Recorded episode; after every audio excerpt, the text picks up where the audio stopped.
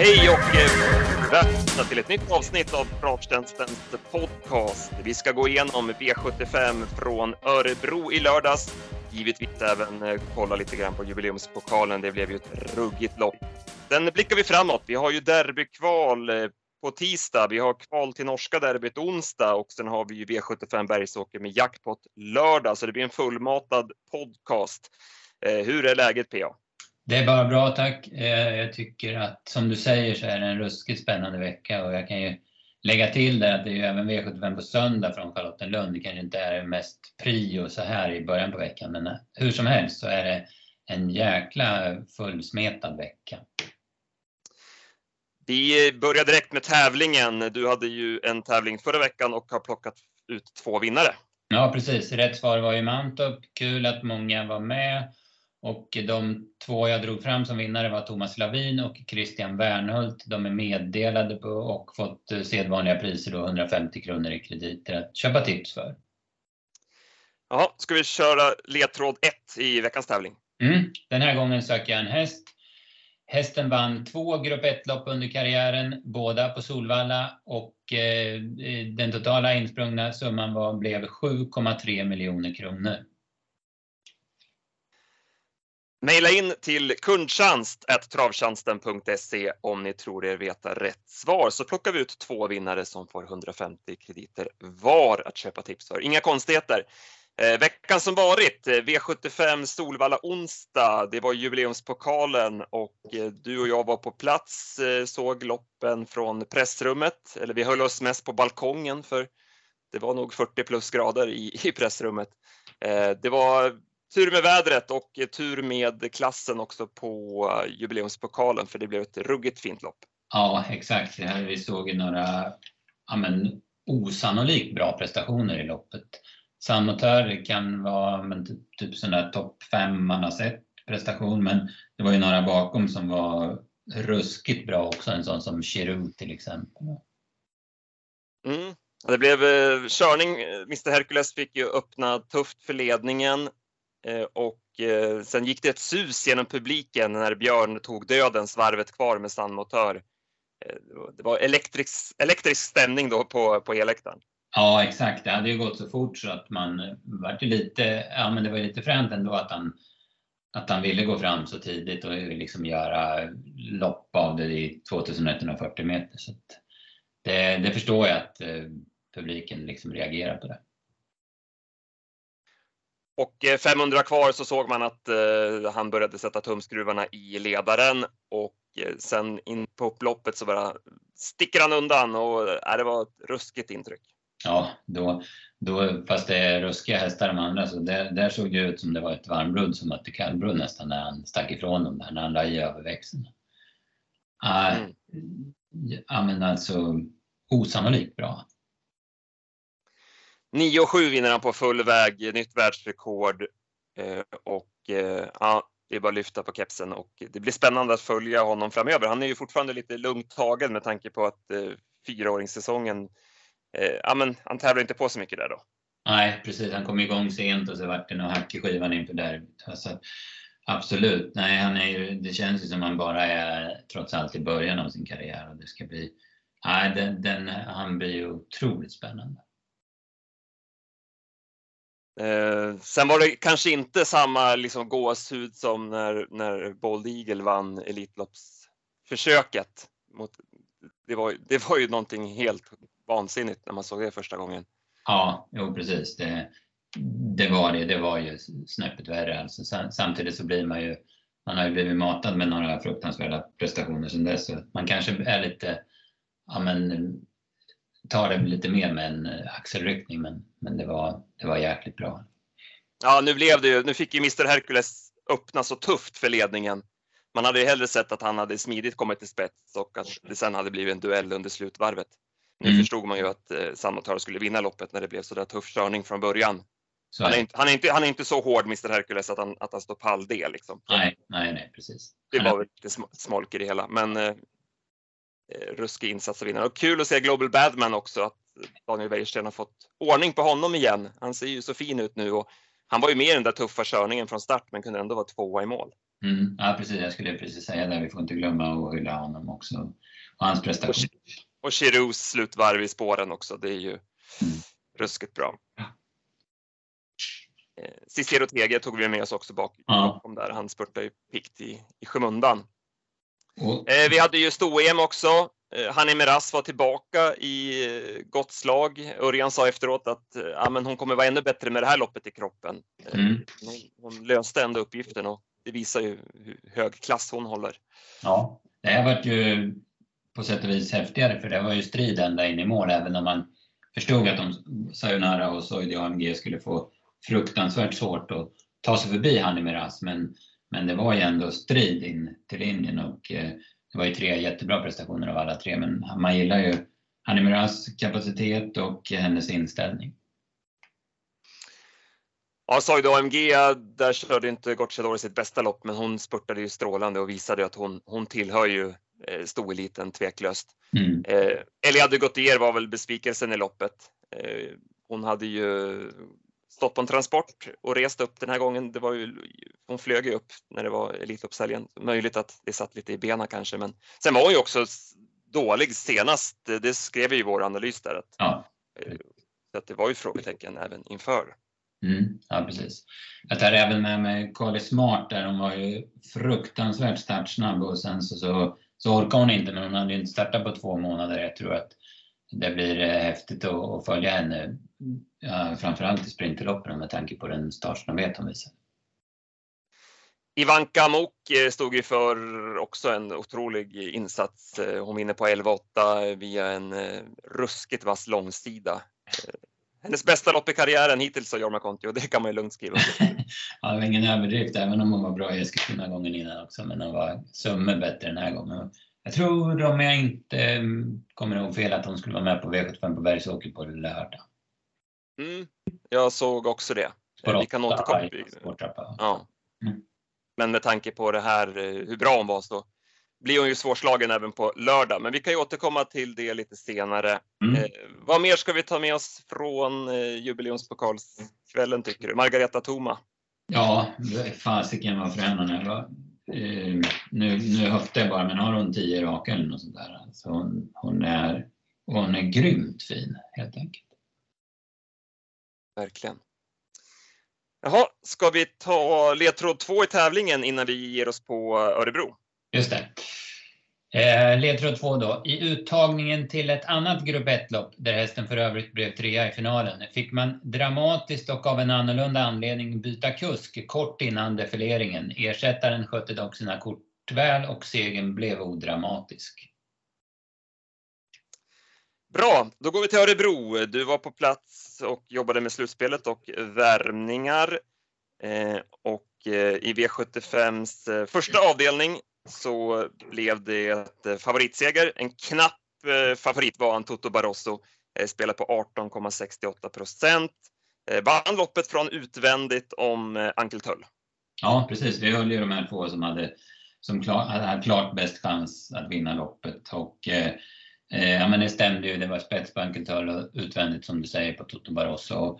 500 kvar så tror ju jag att Ankeltöl ska vinna, det ser ut som han har grepp om loppet. Men det var en eh, dramatisk scenförändring när Johan Untersteiner ryckte norsken på Toto Barroso. Då klev han förbi på två steg och vann ja, men väldigt enkelt ska jag säga. Det var en rejäl insats av vinnaren samtidigt som eh, loppet blev ganska billigt. Ankel Tull fick ju ändå köra 15 fart i ledningen och han ska ju vinna loppet om han är på topp. Mm, ja precis, Nej, han, är inte, han är inte riktigt på topp. Han, han, hade ju fått, han var ju inte helt frisk näst senast och sen så fick han ett lopp i kroppen sist då, men han hade inte riktigt hittat formen. Furious Rain provade ju i tredje spår på, på sista varvet, men var ju dålig. Sen satt de ju fast ett par stycken. Borups Tornado lyckades ju inte hålla upp ryggledaren. Eh, Monfalcone gick ju snävt ner där framför. Precis. Och han blev ju fast med krafter kvar och såg ju fortsatt formstark ut. Eh, Infinitus satt fast också. Mm.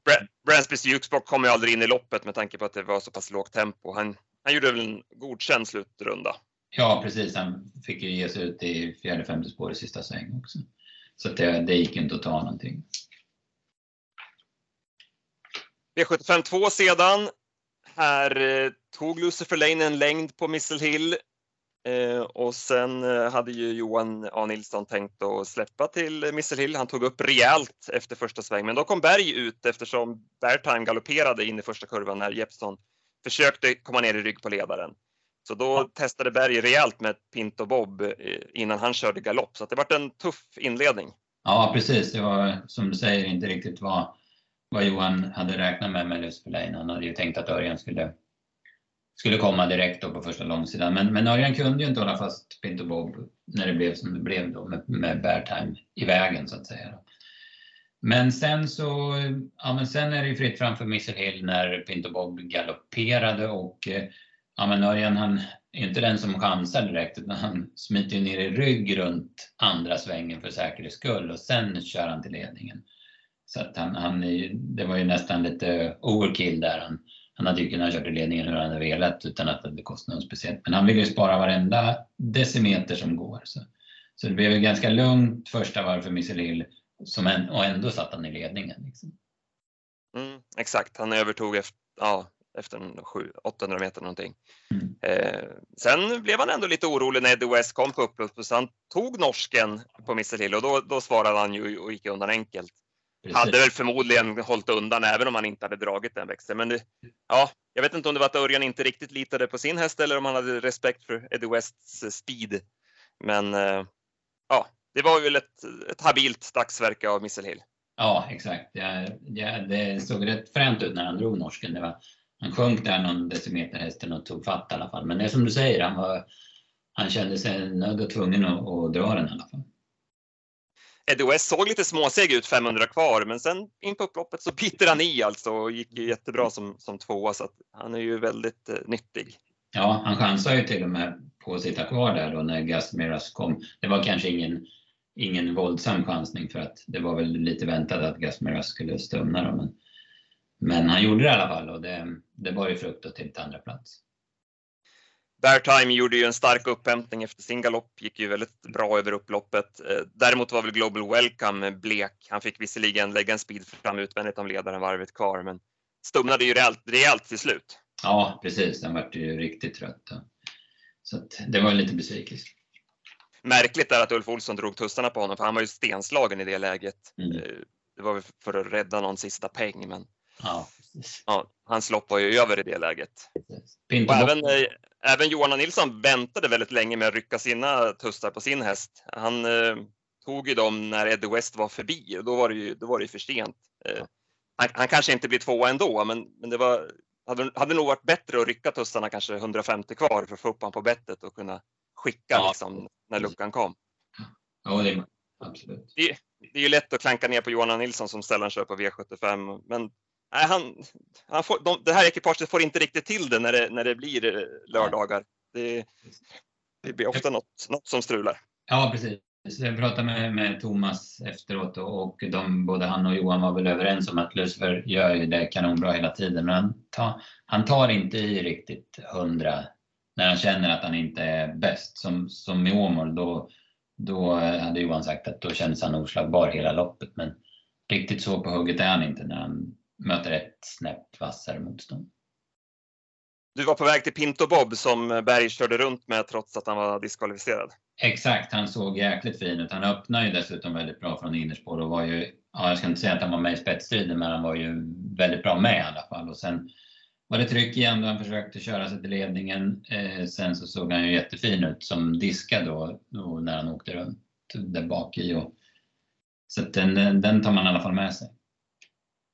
Hörde han inte att han var diskad eller var, varför? Jag vet inte, jag vet inte, jag hörde inte men han fick ju böter i alla fall för han körde tävlingsmässigt med diskvalificerad häst. Sen kommer vi till eh, höjdpunkten den här lördagen. Det var ju E3-finalen för hingstarna och valackerna och det blev ett eh, rivigt lopp. Corazon Combo höll upp ledningen, eh, vilket var lite överraskande för, för vår del. Ja, precis. Det vart ju lite solfjäder där. Eh, Ante Larocque var ju aningen snabbare, men när Bedesses också var emellan där så fanns det ingen chans att komma ner. Det var, ja, men det var inte nära heller ska jag säga. Men, så då fixade han ju spets i alla fall, Corazon Combo. Sen så när Örjan skulle backa ner eh, Antela Rock så galopperade han. Va? Så då vart det dödens för Bedazzle Sox. Mm. Eh, och sen gick eh, Following på som första häst i tredje, 700 kvar och eh, han går ju en väldigt stark eh, långspurt. Jag hade 9-3 sista 700 på honom och eh, när Goop drar tussarna på upploppet så tar han sig förbi Bedazzle Sox precis på linjen. Två riktigt bra prestationer av de här två hästarna. De går i mål på 10 och 9. Ja, verkligen. Väldigt starka sista 700 och, utav following och, och, väldigt bra inställning också för att han, han ser ju faktiskt slagen ut tills men bara sista 50 så han svarar ju så jättebra på de där tussarna. Eh, det, var ju, det var ju upp, uppväxling också där med barfota och helstängt på following. Och man fick ju resultat på det. Mm. Mm, ja, precis. Jag pratade ganska länge med Tove Jansson efteråt och ja, han berättade i stort sett hela loppet där och han, han kände sig rätt så trygg att han skulle slå Corazon Combo redan 500 kvar, men han såg ju vilken rytm och vilken kick det var i steget på following, så han hade ju jätterespekt för den då, redan i det läget. Då. Men sen så, så, så sa han att det stod och vägde eh, ja, men hela vägen in i mål och han hade lill-feeling att han vann, men men sen så hörde han ju att resultatet kom fort så han var, var inne på det att det måste ha varit ja, men huvud eller något sånt där. Och så att han, så det, för den kom ju, resultatet kom ju ganska snabbt. Där. Men han var jättenöjda med, med Bedazzle Sox, verkligen. Både Roger och Torbjörn och, och jag snackade med båda och de, de ser ju ja, men verkligen an kriteriet med tillförsikt. För det, som de säger, de har ju inte gjort någonting. Han går med järnskor, han går med öppet huvudlag, han går med vanlig vagn. Och det är ju inga växlar dragna på honom och han är ju tämligen komplett. Bedazzles också, han är startsnabb och han är stark och ja, men hela paketet. Då. Corazon eh, Combo eh, trodde man väl ändå skulle vinna loppet när han höll upp ledningen, men eh, han blev lite på en tum till slut och kunde inte stå emot de här två hästarna. Han Nej. går ju med sko, skor och fast bomull och, och sådär. Så, så överlägsen är han inte så att han kan fortsätta med det tror jag, utan han måste Nej. nog börja dra lite växlar där. Mm, ja precis, det är väl finska kriterier tänker jag nu som man, som man siktar på. Sen får vi se om han kommer tillbaka till British Crown i höst. Mm. Om han är med, anmäld dit. Jag, jag, vet, jag har inte koll på Express Duo hur det är där. Så jag tycker att det är lite svagt ändå av, av ATG att det, att det står amerikansk vagn i, i röd skrift hela veckan. När, ja, men alla vet ju att han gick med, med bike även, även i uttagningsloppet fast ja, men... det står, står, fel i resultatlistan. Så att man, att man inte kan korrigera det här under en Nej. hel vecka, det är, det är svagt tycker jag. Ja, det lurar ju i alla fall någon, så är det, så det är dåligt. Så kommer det ju vara i, ja men, ju. Following var ju eh, en bra vinnare för oss. Vi hade ju med honom i A-grupp. Mm. Du nämnde honom i podden kanske förra veckan? Ja, möjligt. Jag kommer inte ihåg. Jag fastnade ju för honom på den där vallastarten. Jag var kanske aningen, aningen besviken på honom på Gävle, men det var kanske så att han inte kom in i loppet. Sen så när man såg barfotan men direkt och sen hörde om de här hel, eller skygglapparna då, då kändes han ju tidig. Ante Rock ska säga där, han tappar käken här, men det måste han ha gjort när han galopperar för det. Eh, eller i samband med att han galopperade, så det var nog inte därför han galopperade. Men jag såg det när, när man körde runt att han hade liksom, det, det käkbete som är i munnen, det var utanför, utanför munnen och hängde och slängde. Men jag tror inte det var därför han galopperade, utan jag tror det hände då. Det var ju bra snack på honom inför den här starten så att man kan ju säkert ta med oss ta med oss honom till nästa, nästa start då. Mm, ändå. Mm. Eh, vad skulle jag säga? Jo, following. Vi, vi bjöd på honom på Twitter i alla fall såg jag. Så att ja. vi, eh, vi räknar in honom där. Det var knapp, knappa 10% av insatserna. Mm. Eh, Drake Kronos var ju blek från ryggledaren. Ulf Olsson ja. tog ut något spår på upploppet där och släppte fram Binder Seen That sista biten. Den, den sköt ju till väldigt bra. Den var fin, ja, precis. Efter kurva på den hästen. Ja, den, de två sista har ju varit de särklass bästa loppen den har gjort. Så det är som du säger, bra utveckling. Mm. Sen går vi till klass 2-försöket. Här var vi inne på Steady Victory, men eh, den var bara dålig. Ja, det stod väl inte allt rätt till. Han var, han var ju sågslagen ut 900 kvar trots en bra resa. Så det var inte bra. Det, var till det, var, det blev en omstart i det här loppet och det kastade om ganska rejält för att i den starten såg det ut som Lexington Yoda skulle ta ledningen. Men sen öppnade han ingenting sen när det blev den giltiga. Då, så att då, då kunde Grimfrost öppna jättebra och blåsa till spets och sen var Björn bäst med utav de andra och fick iväg Fader Simon bra från spår 4 och kunde, kunde köra till spets då. Det var ju helt loppavgörande. Ja. Eh, han höll undan med knapp marginal i ett eh, dåligt lopp på 15 blankt. Eh, Global Crossover gick ju en stark sista 700 i, i, i tredje spår. Mm. Så när på att uh, ta sig förbi. Och sen Mysterious Lucifer, han spurtade ju riktigt bra som, ja, som trea. Ja, det var ju in, eller intrycket i loppet. Fader Simon, ska man säga det. Den, eh, han har varit med i omgångar som jag har tippat hela sommaren och jag har, ja, men jag har ju lagt han i ett fack och inte tyckt att det är någon bra häst. Men, men man måste ge honom att han har utvecklats enormt. Så att, eh, eh ja, han har gjort sig förtjänt av den här segern i alla fall. Men det är som du säger, det blev, det blev ett billigt lopp. Det där är ju bland det svåraste som spelare när man lägger hästar i fack. Att, att plocka ut, ur, ut dem därifrån. Ja. Eh, oftast är det ju sådana hästar som också kanske då har tagit ett par, ett par segrar eller gjort några riktigt vassa prestationer så att de blir hårt spelade även nästa mm. gång. Mm. Och då blir det ännu svårare att, att börja tro på dem. Men eh, ja, jag misstänker att den, den kommer kanske inte vara jättehårt högt rankad i nästa lopp heller med tanke på Nej. att det blev så mm. billigt. Yeah. Nej, vi släpper det loppet. Vi går till nästa. Mm. Här eh, blev det lite omdiskuterat efter loppet med tanke på att eh, L. Labero, Robert Berg, släppte ledningen till stallkompisen Konrad Diderot efter en 600-700 meter. Hur såg du på den situationen? Ja, jag var ju lite överraskad eh, såklart. Men jag såg också att Berg blev han fick frågan av domarna och hade ett bra svar till hans där. Han, han sa att han hade testat eller labera i spets några gånger och att han inte hade mm, ja, men fixat det. Så att, eh, och nu tyckte han det var en stark häst som kom och tyckte det var en bra rygg. Och den blev godkänd, den förklaringen. Och det är klart att det var ju lättare att släppa till Konrads Diderot som kommer från det egna stallet än om det hade varit någon annan, självklart. Va? Men han hade ju rätt i, så, i det, den synvinkeln att eller Labero gick bättre till slut än han har gjort eh, ja, men någon gång på slutet. Ja.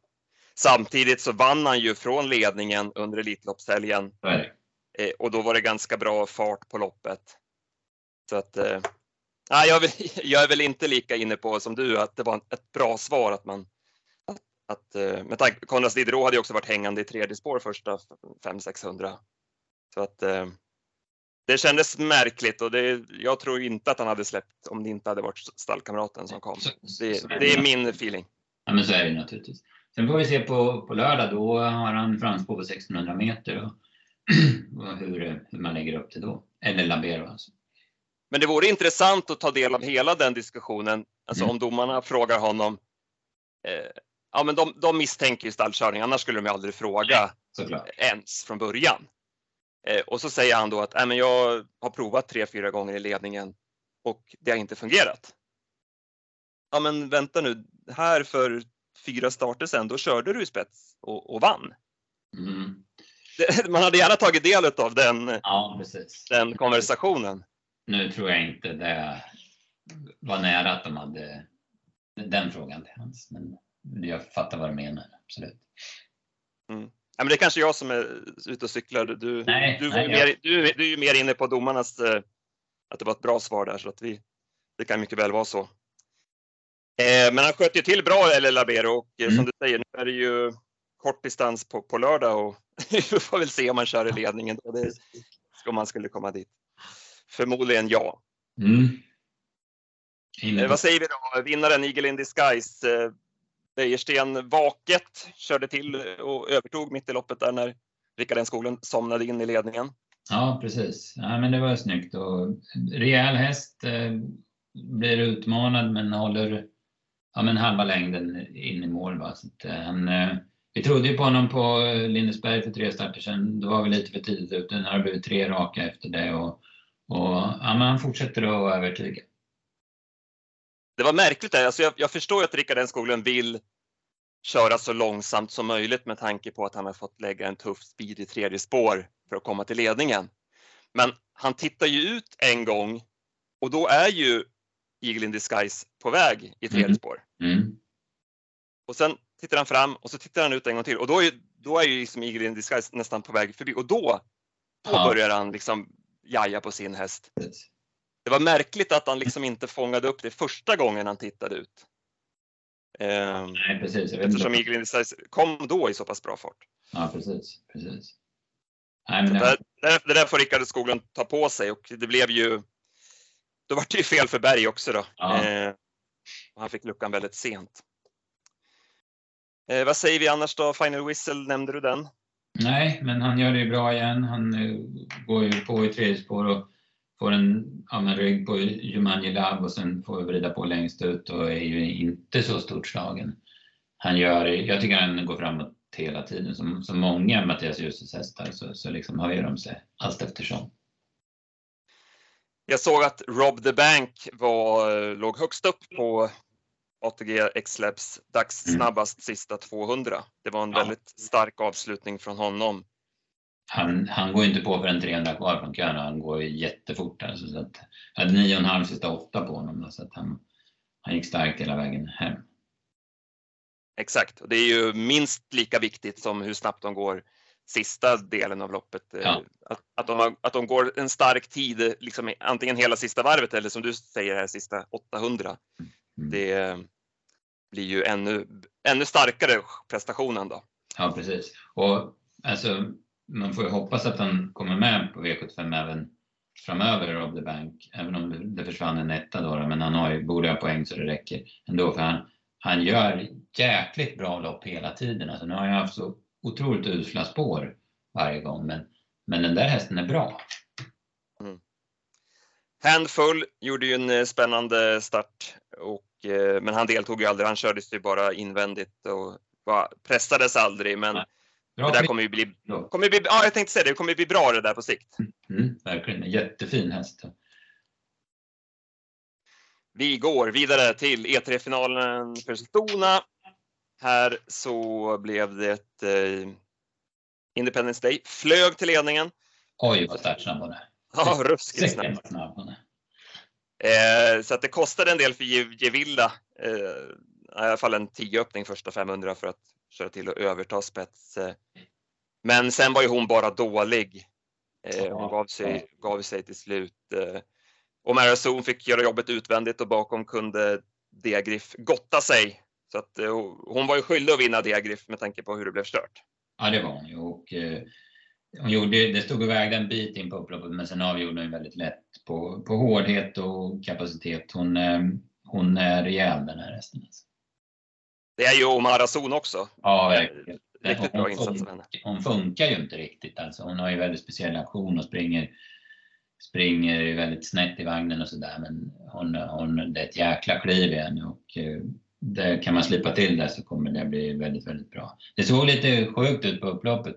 Hon hängde som tusan neråt och hade huvudet åt höger och Diagriff bröt ut åt andra hållet och hade huvudet åt vänster. Det var nästan som de sprang och psykade varandra och tittade varandra i ögonen upploppet ner.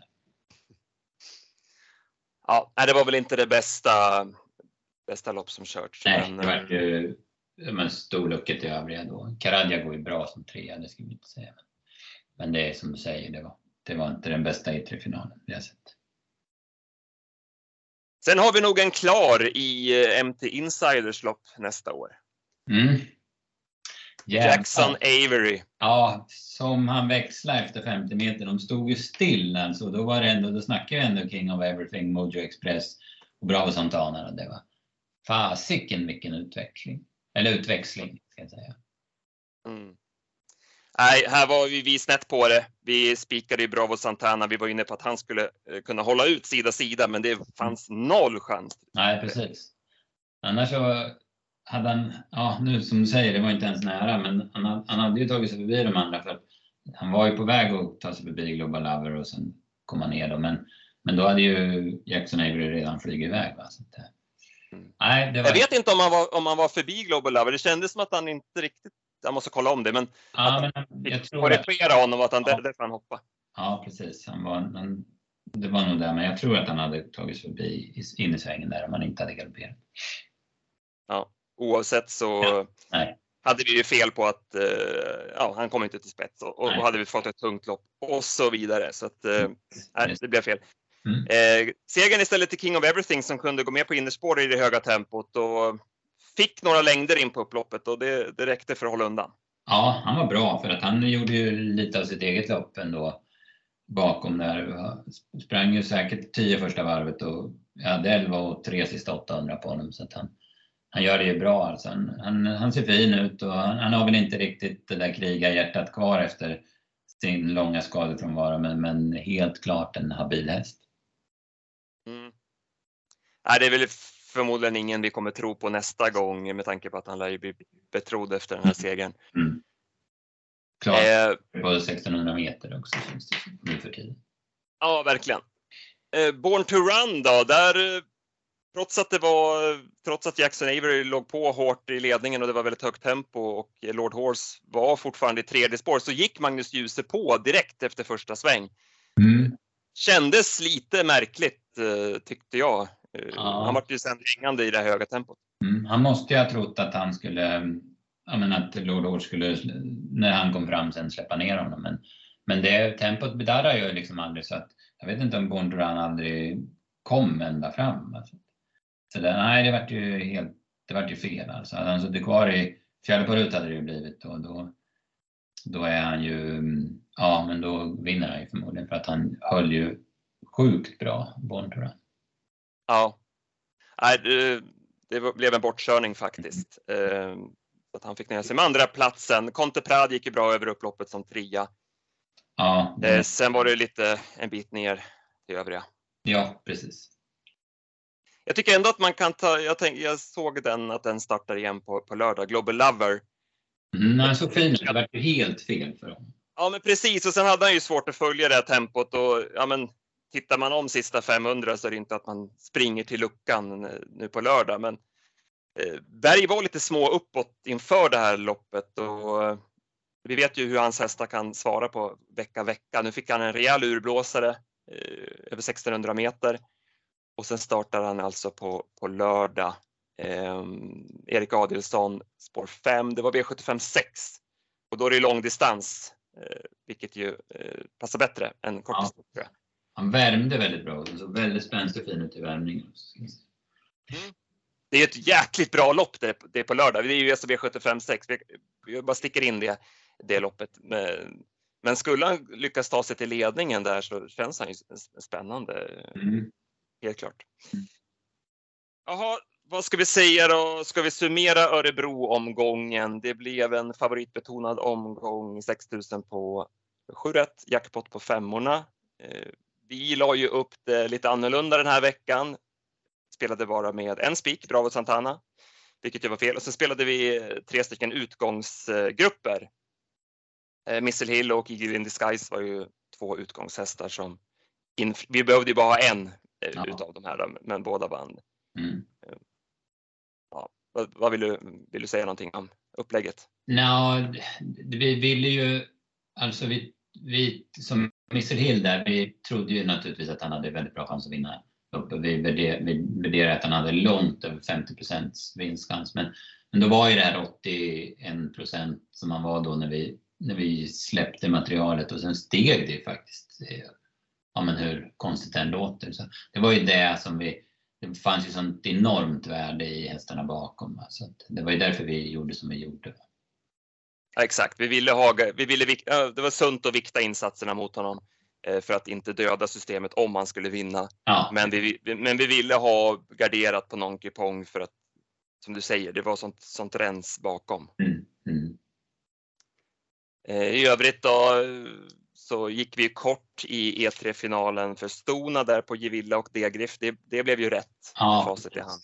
Vi eh, stod över då Decision Maker som jag, det vart det stora draget, den gick ju upp till 18 procent och var andrahandare. Alltså, när vi stod över den, och så det var ju rätt val. Och sen gick vi, ja, men om än inte kort så lite halvkort i första i alla fall med bara fem hästar och då, då hade vi ju de som de där två Ankeltöl och Toto Barroso, det var ju våra två första streck i loppet också. Mm. Så ja, fullt godkänd rank eh, rakt igenom. Mm. Men eh, ja, vi spekulerade i lite större pengar då, med tanke på att vi provade att gardera Missile Hill och, och sen att vi ja, hade fel på spiken. Så ja. vi, vi, ja, vi får glömma den omgången helt enkelt. Precis, var, vi gjorde bort oss där. Så, så enkelt var Ska vi gå vidare i tävlingen med en ny ledtråd tycker du? Just det, tredje ledtråden då. Eh, hästen som vi söker avslutade karriären i USA eh, med tre eh, segrar och 900 000 intjänat den sista tävlingssäsongen på banan.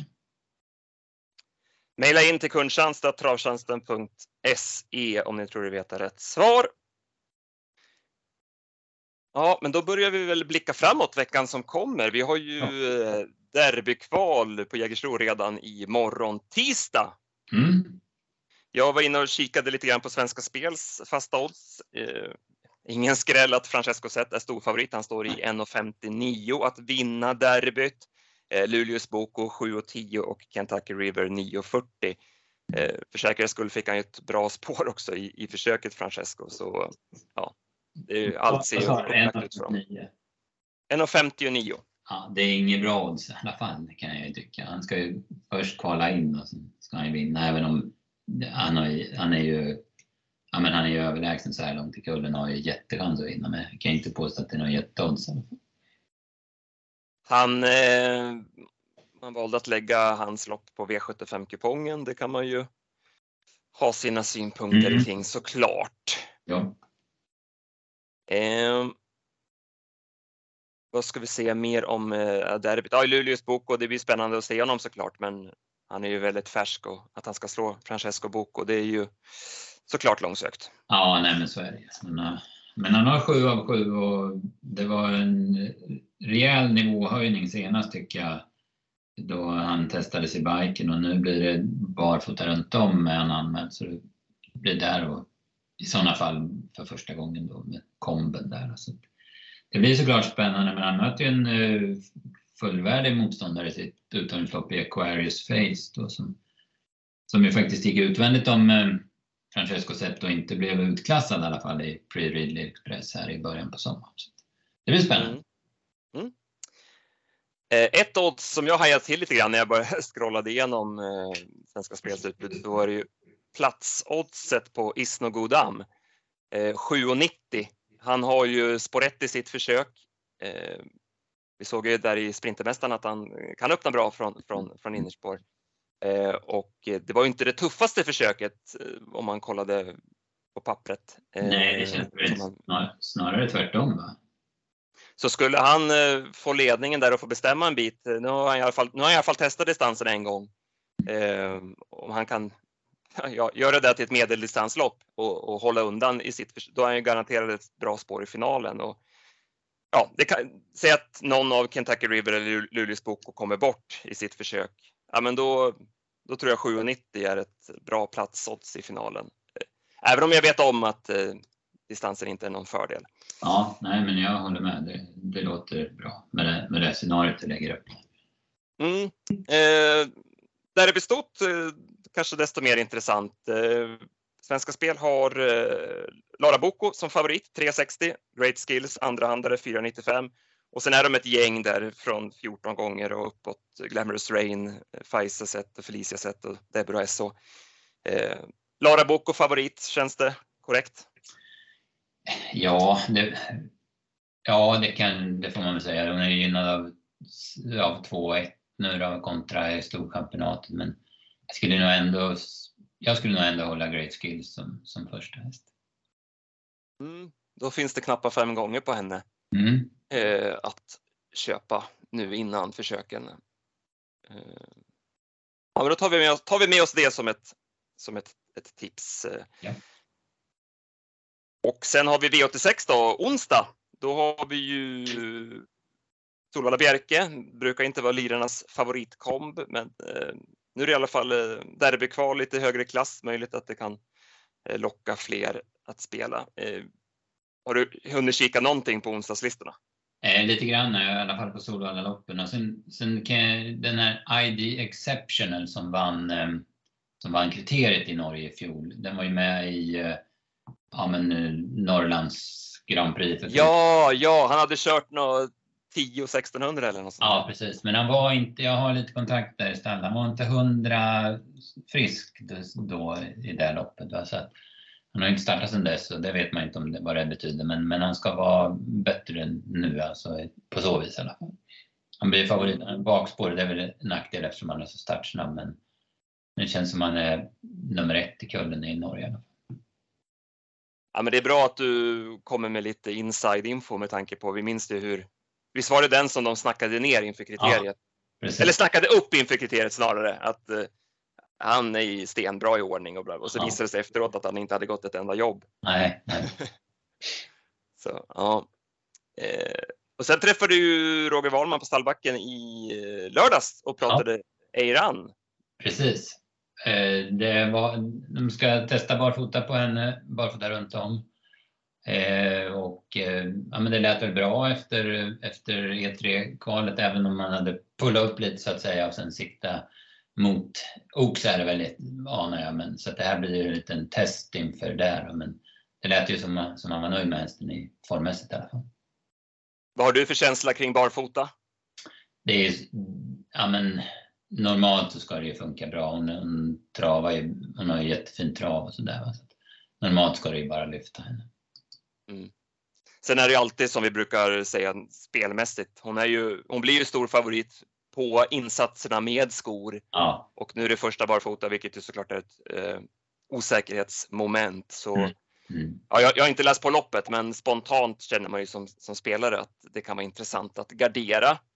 Nej, då är det eh, några väldigt snabba hästar i med loppet. Så det känns ju väl som det kan bli lite halvjobbig resa också, så här bara när jag tittar på startlistan.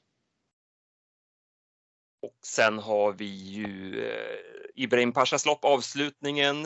Eh, man laddar mot kriteriet här och flera riktigt fina hästar. Night Art lär bli favorit, Robert Bergs eh, bra, bra treåring. Eh, känns ju spontant svårslagen. Ja precis, han gjorde ju visserligen bort sig senast men han har ju radat upp starka prestationer innan och det, det är en rejäl häst.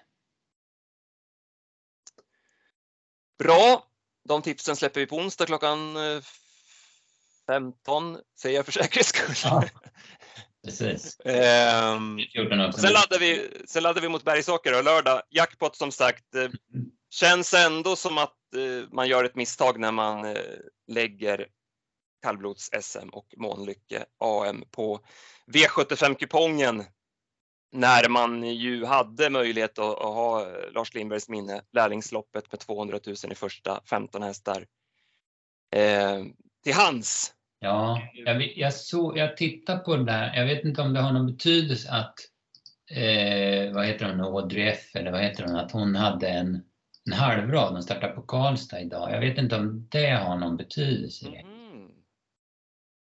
Ja, det kanske, det kanske det har. Ja, men för jag noterade det. Alltså. Det, har man ju, det har ju bara varit i Norge som de har startat på V7 med halvrad, men det är inte, det är inte så noga sånt där. I Sverige har man ju aldrig, det har ju aldrig varit nära tidigare. Så jag vet inte om det har någon betydelse. Ja, då är det kanske mer eh, regelverket då, att man, ja, man får anmäla med halvrad till så här lågt doterade lopp. Ja. Ja, men eh, för spelvärdets skull så hade det såklart varit eh, ja. mer intressant med det loppet då med tanke på att man har svårt, svårt att se. Svårt att se Månlycke torska, eh, även om man fick spår 8 då. Mm. Ja, Sen köper jag ju helt att man har Sundsvall öppna på lappen. Alltså, även om de först sett såklart har toppchans att vinna så är ju ja, men det är ju så hög, hög klass på det loppet. Ja, ja. Det går ju ändå att spekulera lite med Money Viking och ja, men Best of Dream Trio. De var ju så bra på Åby. Ja, det var ju synd för loppets skull att mm. Stoller Show fick bakspår. Man kunde ha fått, de kunde ha bytt i Don Fanucci och Stoller Show. Då hade det varit riktigt intressant. Mm. Eh, som sagt, jag nämnde avdelning 6 där. Det loppet ser jag nästan mest fram emot. Jag tycker det är ja, många fina hästar. Eh, Fabulous Pellini som vilar jättemycket, Napoleon Cash, Napoleon. Hannibal Face ja. som han har sett ut och Albert, Sonett. Debut hos Berg va? ja exakt, eh, Hildas eh, son mm. Eh, och barfota runt om anmält direkt där. Mm. Har du något annat spontant till eh, lördagsomgången? Eh, Ivanka nämnde vi där. Ja, precis. Men det, det Loaded Leila där, den sa vi efter Åby-lopp och gick ju stenbra då, men det känns ju ändå från bakspår mot Ivanka känns jobbigt rent spontant. Nej, vi får skicka in vår Norrlands redaktion att jobba med den omgången. Eh, så hoppas jag att de hittar något, mm. något kul, någon kul vinkel på det. Ja, men absolut. Jaha. Eh, jo, du sa ju det, du hade fått in en fråga eh, från en lyssnare. Just det. Ska vi, vi dra den innan vi, innan vi rundar av? Ja, precis. Jag funderar ju på lite det här med värmningen. Vi har ju vår värmningstjänst eller vårt slutspel där och så vi är ju på plats på banorna i, alltid. Kolla värmningar och då fick vi frågan om hur vi, ja, men vad, vad vi tänker och vad man ska ta, ta hänsyn till och så där. Så att vi, vi har väl försökt att fundera lite på, på den frågan. Va? Och, eh, det, det enkla svaret det är att skaffa sig en helhetsbild av intrycket. Hur, hur hästen rör sig, hur eh, ja, men uppsynen ser ut, spänsten, hur den håller huvudet, om den ser ut som den är glad när den springer, om den har öronen framåt, hur liksom svansen ser ut. Man gillar ju inte om de drar in svansen under sig till exempel eller sådär. Men om de spelar med öronen och, eh, eller har dem framåt så, så är det bra. Och sen om, nu för tiden så de flesta värmer ju ganska, ganska långsamt, eh, antingen i bakvarv eller i rätt varv och sen kör en ganska kort speed vad jag såg Rydén i lördags, han körde 25 meters speeder med Missile Hill, men det är ju extremt. Men man kanske får speeda 150 meter så då, då är det ju nästan omöjligt att klocka någonting. Men däremot så ser man ju rytmen när de ökar farten så att det inte blir något snedsteg eller att de ja, liksom hackar till utan att det flyter direkt när de ska öka. Då. Det är väl det kanske det viktigaste för de flesta värmer ju som jag säger väl ganska lugnt nu för tiden så då, då är det mer att få en uppfattning om hur, hur hästarna rör sig och hur de ser ut på det, på det hela taget. Alltså. Mm. Hur, eh, det här med svans, hur svansen, svansföringen så att säga.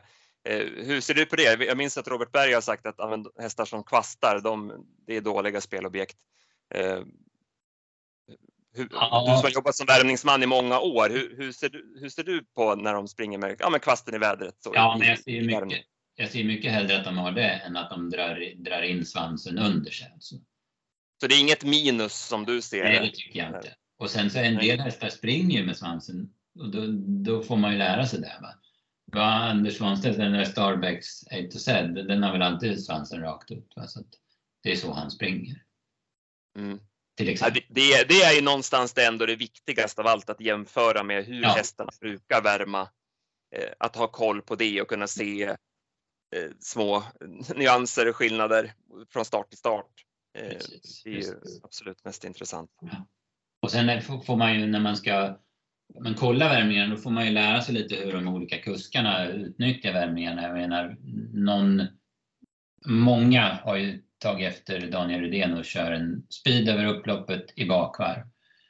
Eh, mm. Hur ser du på det? Jag tänker, där man ser ju ganska, inte ofta, men ibland händer det ju att hästarna galopperar efter Redén har kört den här speeden. Så ja. liksom tar upp och så, så galopperar hästen.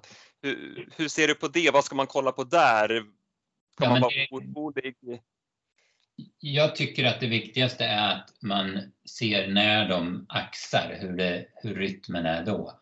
Att de galopperar när de tar upp eller det, det behöver inte vara negativt. Alltså för att det, det, kan ju dels bero på att de blir pigga och sen när kusken tar i dem att de galopperar eller, eller att de galopperar just för att kusken tar i dem, att de saktar farten hastigt. Va? Du tänker inte att, de, att, det, att det kan vara någon, någon ofräschhet som kommer fram när de liksom ska ta emot sig efter eller, en sån speed? Nej, men nej.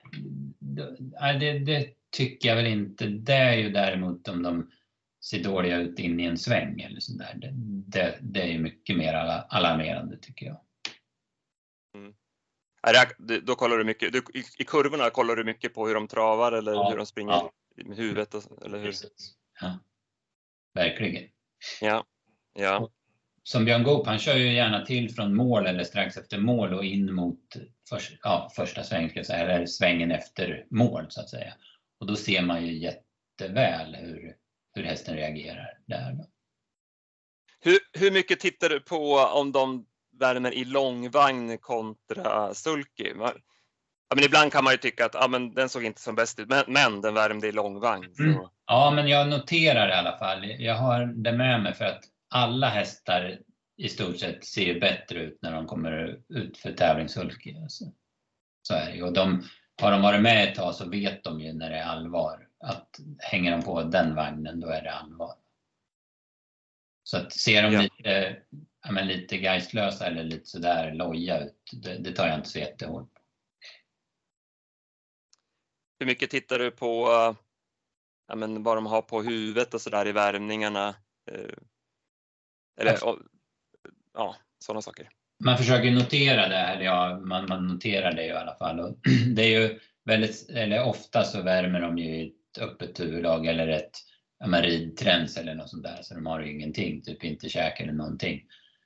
Men det är om, det, om man vill testa någonting som, som man värmer i någonting annat. Jag noterar ju där Digital Dominance till exempel i, i lördags, han värmde ju den här sulken, Jörgen, som han har i voltstart som, som går som, som vanlig sulke fast den är som en bike. Va? Och det, han hade ju sagt innan att han nog kanske inte skulle funka i den, men han värmde ju den och han hade ju den i lopp också. Sådana grejer är ju värt att notera verkligen. Det kan man ju se Svante Båt också, att man provar jänkarvagn mm. i värmningen. Mm. Så det är ju det är bra att vara påläst på omgången så att man vet om vilka, om det, ska, det är första rycktussar eller det är ja, precis. första helstängt eller någonting och så ha lite extra span på det när man kollar hur hästen, hästen värmer. Ja precis, för det är typ som eh, är det snack om första rycktussar, då måste man ju följa hästen i värmningen liksom, i alla fall sista 300 för, för att se när de gör det.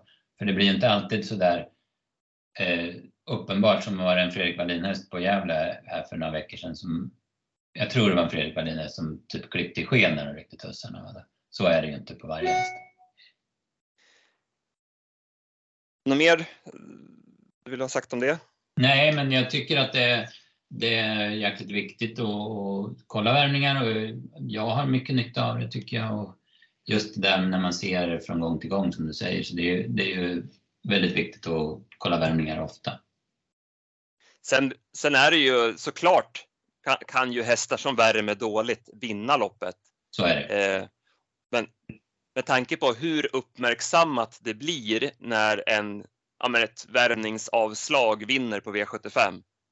Eh, det stimmas ju upp väldigt i sociala medier att oj, titta här, en, mm. en häst som värmde dåligt kunde visst vinna. Eh, med tanke på hur sällan det, de vinner ändå så, de förlorar oftare, det kan jag Exakt, exakt. Så självklart så, så kan sådana hästar vinna. Man ja. Eh, ja, men lyckas hitta, hitta rätt efter värmningen. Man kanske skor om eller ändrar någon annan utrustningsdetalj mm. och, och, så vidare. Men i överlag, liksom, hästar som inte ser fräscha ut, eh, de är oftast inte bra i loppet heller sen. Man, och sen ska man följa upp dem, även om de gör en bra prestation efter en dålig värmning så ska man ha det i åtanke att de värmde dåligt till den där starten. Ja, där har du bra poäng. Det är sällan de tar två raka eh, snabbt efter varandra utan även om de vann det loppet så det är inte, det är inte sällan som de kanske väntar några veckor och kommer ut nästa gång. Nej, precis. Nej, men absolut. Bra tankar och slutspelet som du nämnde där, vår, vår sista minuten-produkt, den, den är ju till stor del baserad på, på värmningar, men det är ändå vår utifrån vår grundrank och vi väger ju även in balansändringar, taktikinfo och annat som vi snappar upp från stallbacken och även speltrender. Man ser ju när vi släpper produkten klockan två eller klockan tre så, så har inte spelet satt sig utan man ser ju mer närmare spelstopp vart trenderna går så att säga. Ja. Vart pengarna hamnar så då har man en större möjlighet att göra ett slagkraftigt spelförslag. Mm, ja men verkligen såg igår där, då eh, gick det, eller jag hade ju sex rätt på det reducerade plus 18 eh, 000 på slutspelet. Så att, eh, det vart ju bra, bytte ju spik då också. Va?